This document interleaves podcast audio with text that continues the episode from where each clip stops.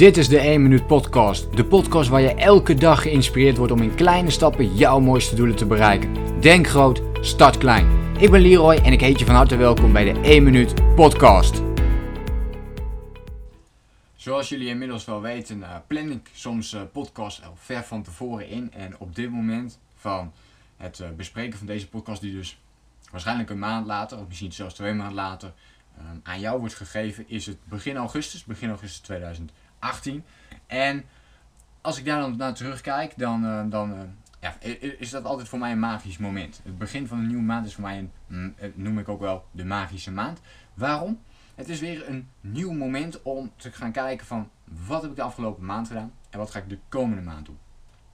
En ik noem dit de, de magische momenten, maandmomenten, of ik noem ze eigenlijk veel vaker nog eh, de kompasmomenten. Kijken waar sta je nu, ben ik nog op de, op de goede weg, volg ik nog mijn eigen pad, ja of nee.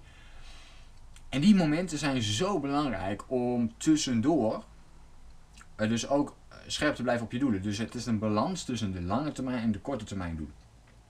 En dingen die je al ja, vrij op de korte termijn. Kijk, als je een doel hebt voor bijvoorbeeld ja, over twee jaar wil ik een, uh, een eigen bedrijf opgericht hebben waarmee ik bijvoorbeeld uh, 3000 euro netto per maand verdien.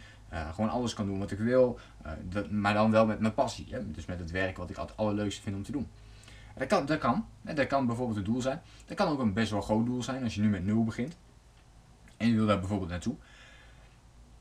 En dan helpen die tussenstapjes heel erg. Dat je zegt aan het einde van deze maand wil ik bijvoorbeeld 100 eh, euro verdiend hebben. En je eerste 100 euro. En dat maakt het heel behapbaar en wat makkelijker voor jezelf om ook die uh, beweging te houden en erin te blijven zitten. Ik noem dit ook wel de maandelijkse planningsmomenten. Dus de maandelijkse planning die je voor jezelf maakt om die doelen te concretiseren. En uh, daar heb ik nu ook weer op teruggeblikt. En dan denk ik, ja, dat is altijd weer een mooi moment om even terug te blikken. Wat heb ik eigenlijk de afgelopen maand gedaan? Heb ik ook die dingen gedaan die ik met mezelf wat doorgenomen van tevoren. Dus heb ik die doelen ook gerealiseerd? En waarom heb ik die wel en of waarom heb ik die niet gerealiseerd? Twee vragen daarin stel ik altijd voor mezelf. Misschien heb je er wel wat aan. Is wat, eigenlijk zijn ze heel simpel hoor. Wat heb ik de afgelopen maand gedaan? Dus heb ik inderdaad mijn doelen gerealiseerd.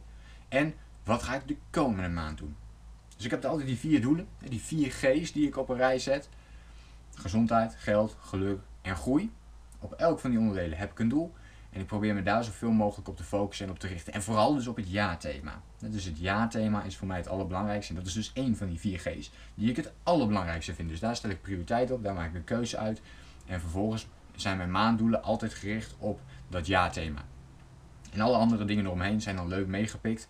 Maar in principe wil ik daar een doel op stellen die ik ook daadwerkelijk wil realiseren. Of laat ik het zo zeggen, daar doe ik alles aan om dat doel dan te gaan realiseren.